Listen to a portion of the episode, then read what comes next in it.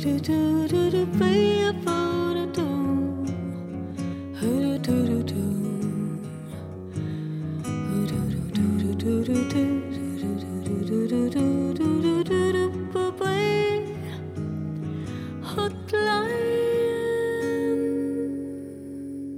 Da er vi i gang igjen for å diskutere presseetikk og andre redaktørfaglige problemstillinger i denne podkasten som heter Hotline, og som er laga av Norsk redaktørforening. Den fine vignettmelodien som vi har i starten, er laga av jazzmusiker Lisa Dilland. Og ikke langt unna meg her i Pressens hus, så sitter det er her vi sitter på hver sitt rom, så sitter generalsekretær Arne Jensen og jeg sjøl som heter Reidun Kjelling Nybø. Og i dag så skal vi igjen snakke om det som rir norske redaksjoner som ei mare. Eh, og det som er på bordet til Pressens faglige utvalg i hvert eneste møte. Nemlig klager som handler om manglende samtidig imøtegåelse. Det etter hvert så berømte 414. Og Arne har sett litt nærmere på 414-fellelser eh, så langt i år. Eh, hva du kan si om det, Arne? Det jeg kan si er at det er i hvert fall utrolig mange klager på 414. Og det er for så vidt også mange fellelser. Eh, nå vet vi jo ikke hvordan dette kommer ut eh, helt eh, på slutten av året, men PT så, så har PFU hatt full klagebehandling av, av til sammen 55 saker hvor 414 er vurdert. Eh, og så er det jo interessant da Nei, unnskyld, 48 eh, klager hvor 414 er vurdert, og 16 av disse har endt med, med fellelser så kan man si at det er en relativt eh, sånn sett eh, en ganske lav andel, en, tredel da, av eh, klagene på 414 som ender med fellelse. Det er nok mer et tegn på at nesten alle, som, eller i hvert fall svært mange av de som klager til PFU, de, de klager enten på 414 eller de henger på 414 som en del av en klage hvor de, hvor de peker på mange punkter. Men det ligger jo nå an til at vi skal nå uh, like mange fellelser på 4.14 i, i, år som i fjor. Da var det 24, uh, og det er jo altfor høyt på det som uh, skal være et nokså enkelt metodisk, journalistmetodisk og journalistfaglig prinsipp. Nemlig at den som blir utsatt for sterke beskyldninger, skal ha anledning til samtidig å imøtegå de samme beskyldningene. Det, det høres enkelt ut, men det viser seg at det er vanskelig å få det til. Og nå dro du jo nesten ordrett den første setninga i punktet i Vær varsom-plakaten, så nå trenger jeg ikke å, å, referere det hvis vi skulle ha med noen eh, lyttere som ikke er nerder på presseetikk nødvendigvis. Eh, men vi sitter ikke her alene eh, på nettet. Vi har med oss eh, bl.a. Helge Nitteberg, som er sjefredaktør i Nordlys, Nord-Norges største avis. Og i forrige PFU-møte så ble dere felt på 414, Helge. Fortell om saken. Ja, saken eh, var primært, eller det vi er felt på, er jo egentlig først og fremst en forhåndsomtale av en, eh, av en rettssak. Et søksmål der en tidligere lærer ved en skole i Tromsø eh, mista jobben og har gått til sak mot kommunen. I den saken og i det som endte med at eh, læreren ble fjerna fra stillingen, så, eh, så inneholdt en del påstander eh, om, som læreren eh, da mente har, om, om, forhold som har skjedd på skolen, som er knyttet til andre lærere ved den skolen på det tidspunktet. Det handler bl.a. om seksuell trakassering og rusbruk blant eh, en eller flere lærere som har vært eh, i, i, skolesammenheng. Eh, og det var momenter som var naturlig å ta med når vi eh, intervjua denne læreren som har gått i søksmål mot kommunen, i en eh, forhåndsreportasje. Eh, og så har da eh, lærerne bl.a. klaga oss inn de, Dagens lærere ved denne skolen klager oss inn bl.a. for at vi ikke har kontakta dem og fått kommentar fra deres ståsted rundt de påstandene som fremkommer i forhåndsreportasjen. Vi har tatt kontakt med, eh, med, den saksøkte part, som er altså er Tromsø kommune, og de har gitt kommentarer. Men vi har, hadde altså ikke i forhåndsreportasjen snakka med lærerne. Og det er det som er det springende punkt som jeg oppfatter at vi er felt på. Det er 414, og at vi ikke kontakter lærerne. Mm. Er, eh, er, det noe dere ser i etterkant at dere burde ha gjort?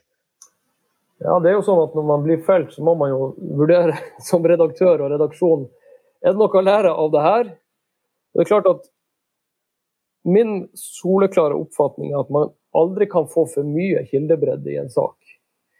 Eh, og I dette tilfellet så ville det ha opplyst saken bedre hvis, eh, og gitt en bedre kildebredde hvis vi hadde snakka med en, en, representant for eh, lærerstaben i dag, som jo opplever at eh, det her rammer dem i beskyldningen som den tidligere læreren kommer med. Selv om de, de påstandene egentlig er retta mot lærere som ikke jobber der i dag, men som likevel, når ingen er identifisert, så vil det kunne henge eh, ved at det er, handler om noen av de lærerne som er ansatt fortsatt i dag. Eh, så, så jeg, jeg, skjønner at vi er blitt felt, og generelt så, så er det en styrke å få inn flere stemmer. Så var vår vurdering på det tidspunktet vi lagde reportasjen, at lærerne ikke var direkte part i saken, de var ikke saksøkt. Og Dermed var det mest naturlige for oss å først og fremst forholde oss til den saksøkte part eh, da vi skulle innhente samtidig møtegåelse eh, i den rettsreportasjen, i, i forhåndsreportasjen. I Mm. Hva du tenker om den saken, Arne?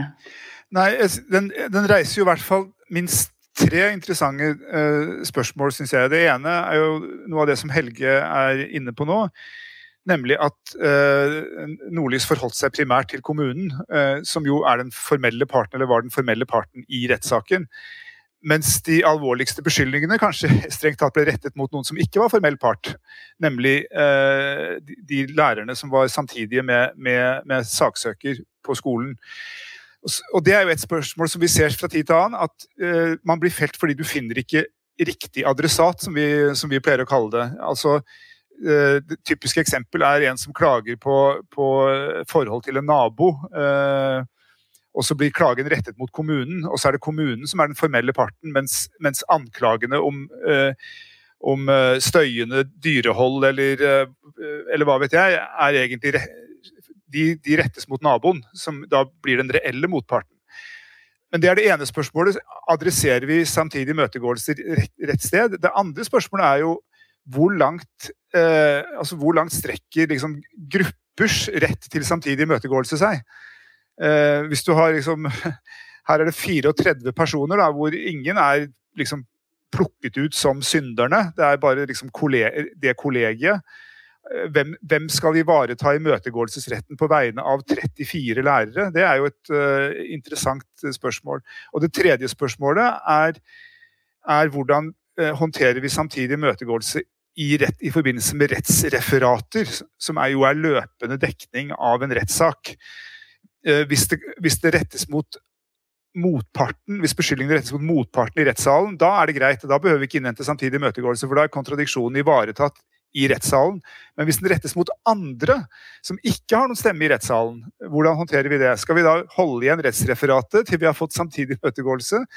Eh, det syns jeg høres litt eh, trøblete ut sånn journalistfaglig og på andre måter. Så det er interessante spørsmål. Mm. Definitivt. Ja, Helge? Når det gjelder siste punktet som Arne trekker frem, så oppfatter jeg at vi vel langt på vei er frikjent for uh, rettsdek selve rettsdekninga og det som går på kontradiksjon uh, og samtidig imøtegåelse. Mm.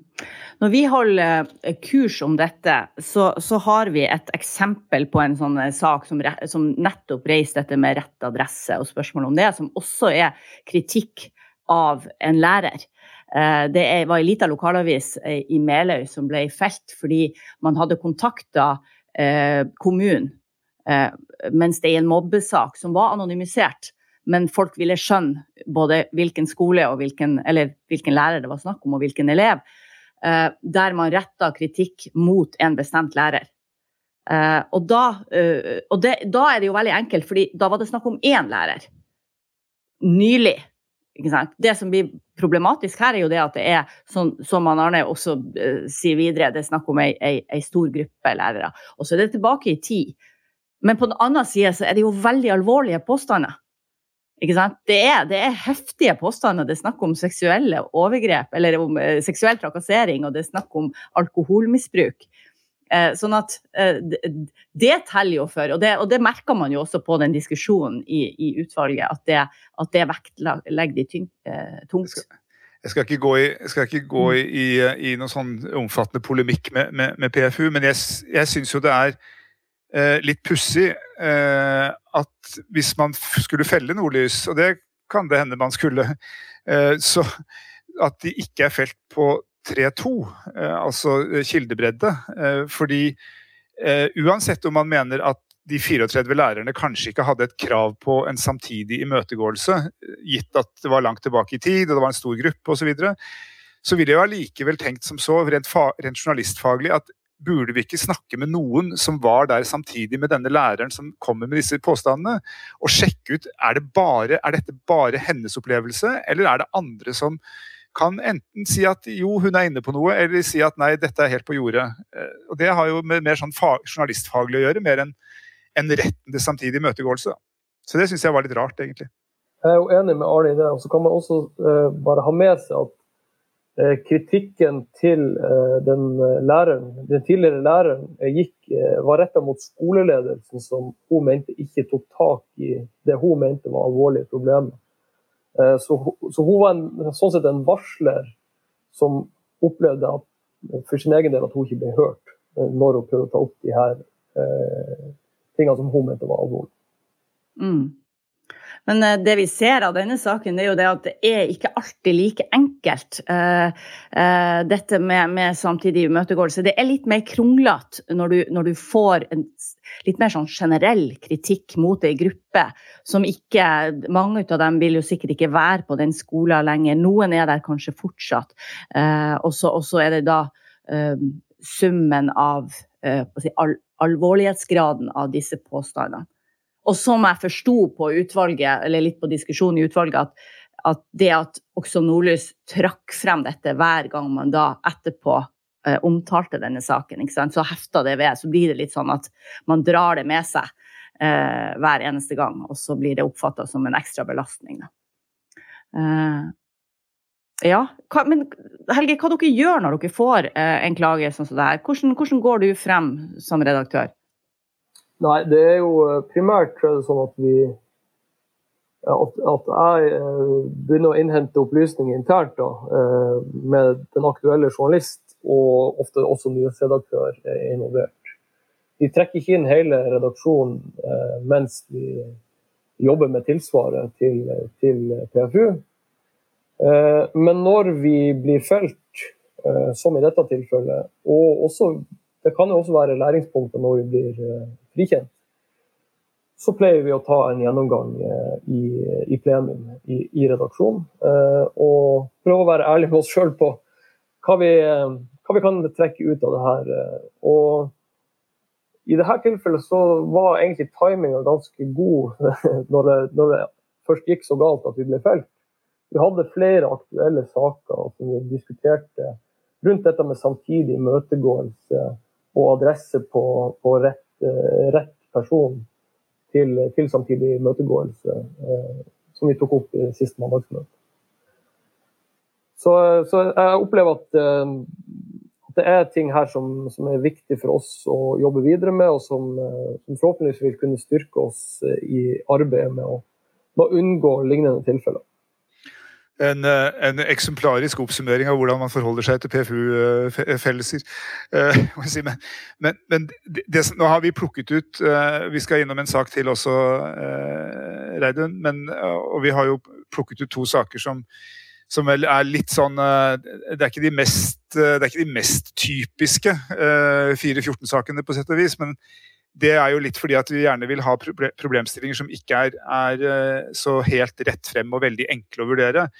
Men det må jo sies at det som jo er litt pussig når jeg leser gjennom PFU-fellelsene så langt i år, det er jo hvor mange fellelser det er som, som, er, som er, helt åpenbare. Altså hvor, hvor, det egentlig ikke er så fryktelig mye å diskutere, og, og hvor jeg stusser litt på ryggmargsrefleksene i i de redaksjonene det gjelder, hvor man altså ikke har gjort noe forsøk på å innhente samtidig imøtegåelse. Og, og tilsynelatende nesten ikke reflektert over det.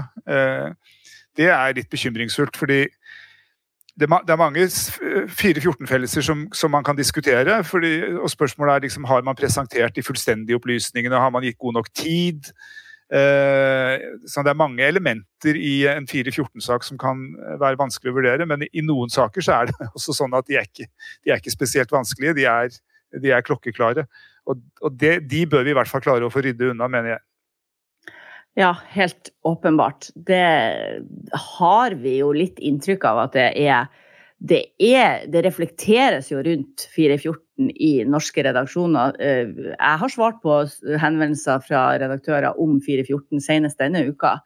Eh, men da handla det jo mye om litt mer sånn komplekse spørsmål rundt det. At man, eh, at man, skjønner at her er det imøtegåelse, og så er det mer hvor mye tid man skal bruke hvis folk prøver å, gjøre seg utilgjengelig og alt det her. Disse, disse rundene som man gjerne er vant til, særlig hvis det er snakk om erfarne eller kilder som, som vet hvordan presseetikken fungerer. Men eh, vi, vi, skal innom en sak til. Eh, per Arne Kalbakk, eh, etikkredaktør i NRK, er også med oss. Og dere ble også felt på 414 eh, nylig. Det var vel i junimøtet til, til PFU. Eh, og der dere ble klaga inn eh, fra Ola Borten Moe. Du kan få dra kort om den saken. Ja, det kan jeg. Eh, det var en kort oppfølgersak, eh, egentlig en løypemelding i Dagsrevyen om en forestående høring i Stortinget. Og dette var da knytta til prosessen rundt åpning av området Barentshavet sørøst for oljeleting. Og en sak som vi hadde avdekka om at eh, Oljedirektoratet i den forbindelse i regjeringens forarbeider til stortingsbehandlingen, så hadde de avlevert et, et notat med beregninger som viste at etter deres mening at det var usikker inntjening for feltet, og at det i verste fall kunne ende som et gigantisk tapsprosjekt. Dette ble da sendt til Olje- og energidepartementet, og de valgte å ikke ikke inkludere dette notatet i saksgrunnlaget til Stortinget. Heller ikke noen henvisninger til det. Det skapte en ganske stor eh, politisk debatt, og Stortinget planla en høring eh, for å gå inn i disse spørsmålene. Og om regjeringen hadde holdt tilbake vesentlig informasjon for Stortinget. Og det er et viktig konstitusjonelt eh, spørsmål. I forbindelse med at Ola Borten Moe, som en av to tidligere statsråder, hadde blitt kalt inn til høring, kalt inn til denne høringen, så skulle vi, etter å ha skrevet en nettartikkel om det, eh, oppsummere det kort i en eh, såkalt studiokommentar, kort melding i Dagsrevyen. Og Da klarte vi å gjøre den fortredelige feil at vi oppsummerte våre egne fakta om saken helt, eh, helt feil, i stedet for å si at han var innkalt eh, for å forklare seg om eh, sin kjennskap, eller manglende kjennskap til, til dette notatet. Så sa vi at han var kalt inn til høring etter at han hadde holdt tilbake informasjon for Stortinget, altså statsråden personlig, og at han kjente til at dette kunne bli et uh, tapsprosjekt. Det har vi aldri avdekket. Eh, så vi, vi, oppsummerte vesentlige fakta eh, om saken eh, feil, og på en måte som jo er veldig rammende for en statsråd. For Det er klart at det konstitusjonelle ved å personlig holde tilbake informasjon er noe helt annet enn at man har dette konstitusjonelle ansvaret som, som statsråd. Så dette var en glassklar, et glass, klart eh, brudd på punkt 3.2 om å eh, kontrollere at opplysninger som gis er korrekte.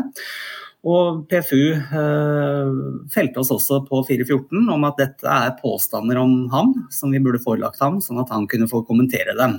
I vårt tilfelle vil jo det i så fall være for å oppklare at dette var helt feil, sånn at vi kunne sagt det på en annen måte. Men det var en klar, klar fellelse og ikke noe, ikke noe å si på den sånn sett. Men hvor lang tid tok det for dere For her, her, la jo dere dere flat med en gang mm. uh, og beklaga. Hvor lang tid tok det før dere uh, måtte, gikk ut med det? Ja, Det var det andre problemet. var at uh, Vi og redaksjonen ble egentlig ikke oppmerksomme på vår egen veldig klare feil før Ola Borten Moe Både til PFU og på sin egen Facebook-side. Et par måneder senere klaga oss inn til PFU. Og så gikk vi da i en dialog med han, for vi var jo helt enige at dette var jo en feil, og en ganske alvorlig feil også, som vi ville rette og beklage i Dagsrevyen. Og Det er jo da det å prøve å finne en minnelig løsning, som PFU oppfordrer til. Vi var i prinsippet enige med Borten Moe om å publisere en beklagelse.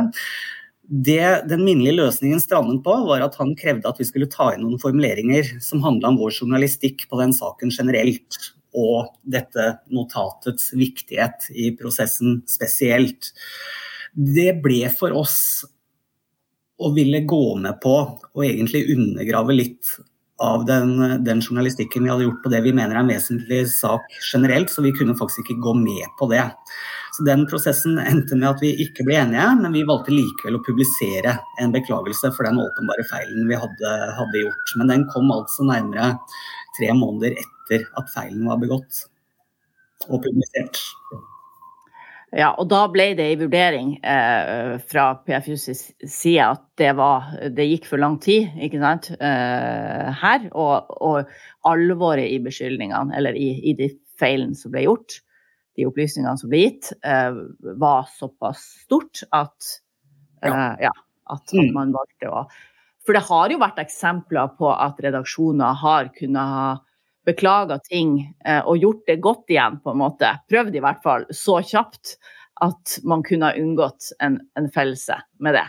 Ja, kanskje. Det som det vises til i kjennelsen, er at disse alvorlige beskyldningene eh, var så alvorlige at eh, beklagelsen ikke var nok til å rette opp det opprinnelige overtrampet. Men det var en del av diskusjonen i utvalget at ja, men hvorfor, hvorfor kom ikke dette dagen etter og ikke tre måneder etter?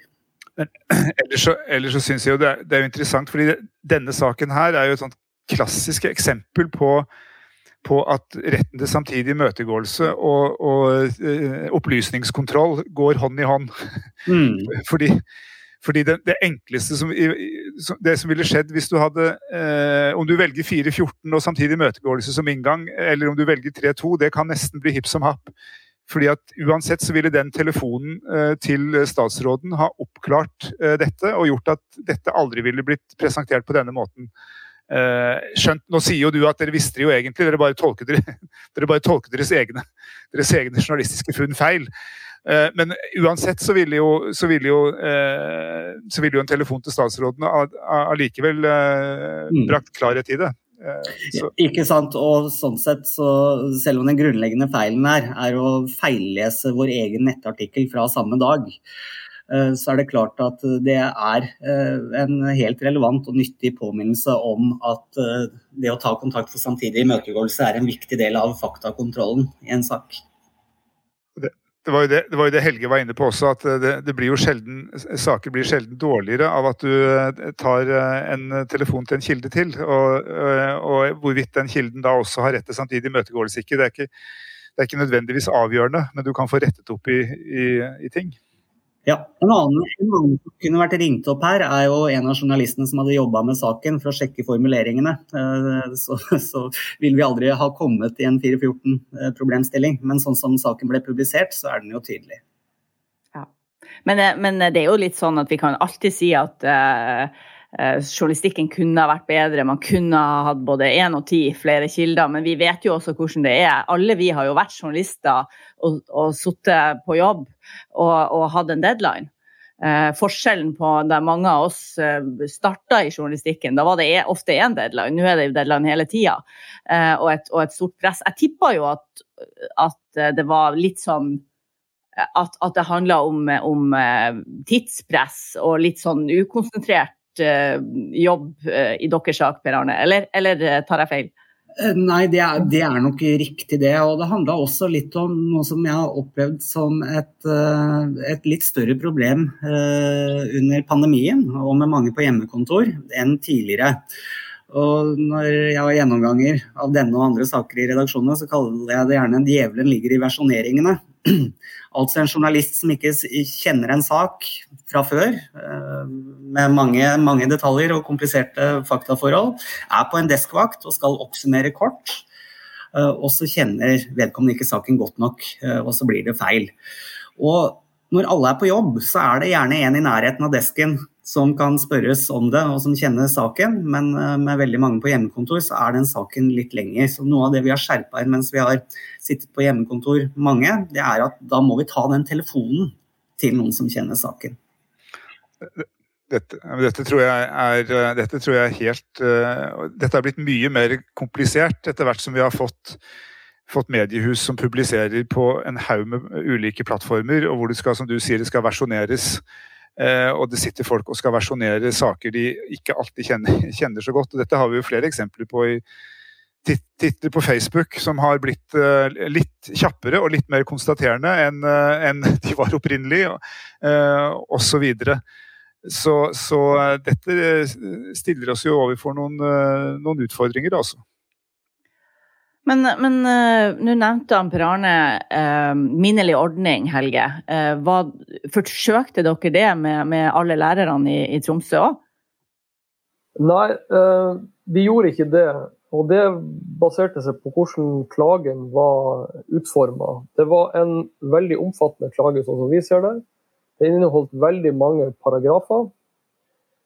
Og jeg opplevde at avstanden mellom den virkeligheten vi, sånn som vi så den, og den uh, virkeligheten sånn som lærerne beskrev den i klagen, også underveis når vi fikk uh, gitt vårt tilsvar og de fikk gitt sine nye kommentarer, så så vi at den avstanden var så stor at vi ikke så det som hensiktsmessig. Da ville vi heller bli vurdert av PFU på de uh, feilene som vi sjøl var i tvil om, og som vi sjøl et stykke på vei kunne vedgå at vi hadde gjort. Eh, og det som ville vært eh, som Faren med å gå inn i en sånn minnelig ordning, det ville vært at man kanskje måtte gi mer enn det man mente var riktig som redaktør og redaksjon i møte med den klagende part. Jeg hadde hatt vanskelig for å kunne gi en beklagelse på denne saken utover det at vi ser i ettertid at kildebredden ikke var god nok i den første reportasjen. Det er, vel, det er vel det vi ser. Da kan jo dere svare på det som står oppi, midt oppi det. Men det er vel ofte det, det vi ser når vi man skal gå inn i, i og forsøke å få til en minnelig ordning. så så får klager får litt eh, i gåseøyne blod på tann. Eh, altså Man uh, vil gjerne liksom få mest mulig ut av en sånn minnelig ordning, og så, så, strekkes den strikken så langt at du som redaktør blir nødt til å, å, å begynne å beklage ting du egentlig ikke beklager, og som er på siden av det du kan kanskje erkjenne var dårlig arbeid eller, eller en feilvurdering. Per Arne? Ja, jeg er enig i det. Og så er det en annen ting eh, knytta til arbeid med minnelige løsninger også, som jeg har opplevd uh, noen ganger, uh, og egentlig kanskje stadig oftere, hvor klagere har engasjert uh, ja, profesjonell hjelp. folk som skriver klagere, bistår dem og når vi prøver å ta kontakt, eh, så er det ikke mulig å få en avtale om å sette seg ned rundt et bord eller rundt en Teams-skjerm og diskutere ting. Eh, men vi avkreves eh, skriftlig hva vi har tenkt å gjøre, hva slags beklagelse vi vil komme med. Et veldig dårlig utgangspunkt for, for fordi alle saker jeg har vært med på hvor vi har funnet en minnelig løsning, så har vi kunnet sette oss ned direkte med de som har blitt rammet av journalistikken og diskutere hva er det som oppleves rammende, hva oppleves mest rammende når det er eh, omfattende klager, kanskje. Forklare litt om hva vi har tenkt, hva vi bygger på osv. Og så gir det noen ganger et grunnlag for å finne en minnelig løsning eh, som, eh, som både klager og redaksjon og NRK kan, kan bli enige om. Så det er et litt uheldig utviklingstrekk. For jeg tror at det finnes klagesaker vi har vært oppi hvor vi aldri har kommet til den posisjonen til å sette oss ned og diskutere, hvor det kunne vært mulig å finne, uh, finne en løsning. Og Et eksempel på det er den klagen som ble også behandlet i forrige uke fra Ørsnes privatskole, uh, tilknyttet Guds menighet uh, i, i, Lofoten. hvor en veldig omfattende klage og hvor det kom et krav om at vi måtte beklage en hel mengde ting for å finne en minnelig løsning. Men hvor, uh, hvor, vi kanskje kunne kommet fram til en måte å la dem komme til orde på i ettertid.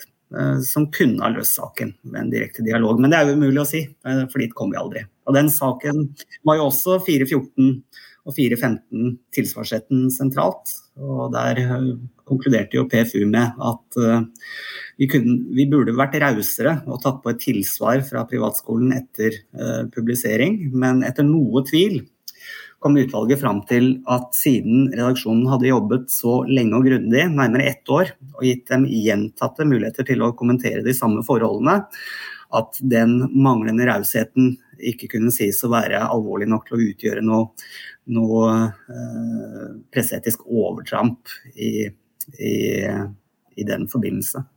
Mm. Og det var selvfølgelig en avgjørelse dere var fornøyd med, eh, tipper jeg.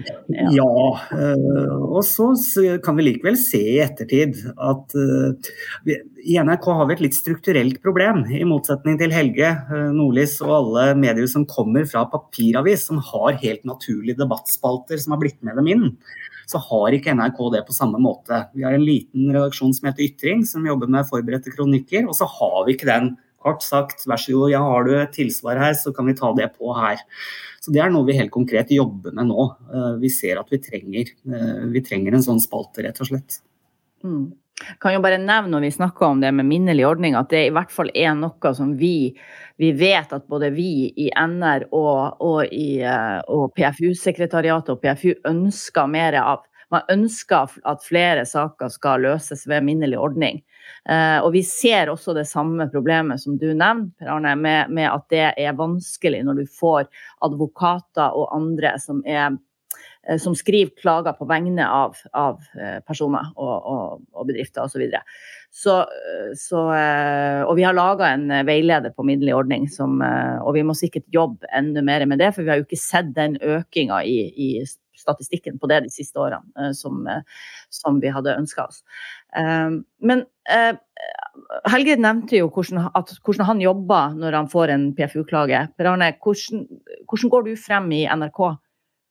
For du, NRK er jo en av de få absolutt få som har en uh, egen etikkredaktør. Og Det betyr jo det, skyte, det betyr ja. jo samtidig at du er jo, du er jo, redaktør på sett og vis i gåseøyne uten portefølje. altså Det er jo ikke du som har det publisistiske ansvaret i utgangspunktet for det som publiseres i, på de respektive flatene. Det er, det er, riktig. Og når vi får en eh, PFU-klage, så går jeg alltid inn og bistår den redaksjonen og den redaktøren det gjelder, med å håndtere den klagen. Eh, vi begynner alltid med å ha et møte med redaktør og redaksjonssjef, den eller de journalister som har jobba med saken, for å gå gjennom klagen og se at ok, hva, hvilke klagepunkter er det, eh, og hvordan, hvordan, står vi oss i denne klagen. Og så gir jeg en tilråding eh, om, eh, om, hvordan vi står. Har vi gjort noen, gjort noen feil her av presseetisk karakter? Og så er det nesten alltid sånn at vi uansett hvordan vi selv vurderer vårt eget arbeid, at vi tar kontakt med klager for å undersøke om det er grunnlag for å finne en minnelig løsning. Eh, og er også med i dialogen, dialogen der. Eh, kommer vi i mål, så er det fint. Det hender jo noen ganger. Og hvis ikke, så bistår jeg, bistår, bistår jeg også med tilsvaret. Men det er jo klart at det er jo de som har jobba med saken, som gir råmaterialet her. Men i min rolle så er det sånn, ja, vi har en litt sånn enhetlig praksis for hvordan vi skriver tilsvarene våre. Eh, og hvordan vi håndterer PFU-sakene. Så det er jo min rolle i de sammenhengene. Helge, hva du tror som er årsaken til at, at vi fortsatt har så mye 414? Fellelser, altså. Noe handler, det, det, det, er mye som går på bevissthet uh, og ubevissthet uh, fortsatt, tror jeg. Tempoet er tatt opp. og så tror jeg at Eh, også mer, eh, mindre profesjonelle kilder er blitt eh, mer bevisst på hvordan man kan sno seg unna, hvordan, man, hvordan rettigheter man har, og hvordan, hvordan man kan ja, som kilde komme seg unna på ulike vis.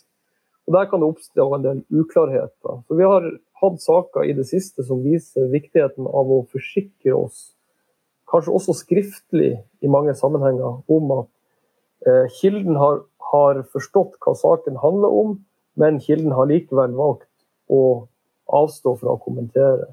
Eh, Det er mange ting her, eh, men så har vi også hjelp da, av, av, digitale hjelpemidler og mobiltelefoner you name it, som gjør at dette arbeidet sånn sett burde være lettere å få ned antallet eh, 414-saker. Jeg er helt enig i det. Og i de sakene jeg kjenner fra, fra NRK, og også noen av dem jeg ser i, i, PFU, så handler det eh, de gangene det har øh, oppstått, eh, oppstått, feil som gir oss problemer, det handler om det journalistiske håndverket og presisjonen i det journalistiske håndverket. At vi forsikrer oss om og journalistene forsikrer seg om at de har forelagt alle konkrete påstander, og at vi kan dokumentere dette i ettertid. Og Det er et budskap som, som jeg prøver å banke inn i alle sammenhenger hvor jeg er rundt i redaksjonene. Jeg, jeg, tror det er, det kan jo Reidun og vi kan jo vel bekrefte det, Reidun, at no, det, er jo interessant fordi mange to, tror jo og tenker at det som er liksom, eh, presseetikk, ja, det handler veldig ofte om identifisering eller hensyn til barn og ofre og, og, sånt Og det gjør jo det også i aller høyeste grad, og vi har mye saker på det.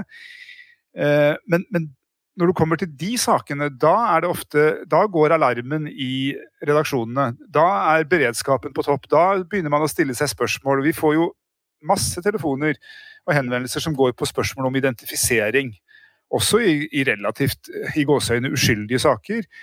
Eh, men samtidig imøtegåelse, den slår, den slår altså ikke inn på samme måten. Og særlig ikke, vil jeg nok si, i en del mindre redaksjoner som kanskje ikke er så trent i å håndtere like mange og, og, og vanskelig kontroversielle saker. Eh, kan det se ut som. Det er litt spekulasjon, men, men, statistikken er jo litt sånn på at det er ofte i de mindre redaksjonene at uh, samtidig møtegåelse blir, uh, blir uh, At man ikke liksom får orden på det. Ja, jeg har jo fortsatt, jeg tror jeg har sagt det i, den, i denne podkasten også tidligere, at uh, jeg tror at det handler om at vi er konfliktsky. Altså at det er sånn her Vi liker på en måte ikke å snakke med de som uh, vi skal viderebringe uh, faktiske opplysninger og, og meget si, Det er ganske sånn hard kritikk av noen, og det har vi ikke lyst til å konfrontere dem med. Isteden så publiserer vi den kritikken, og så får vi kjeften etterpå.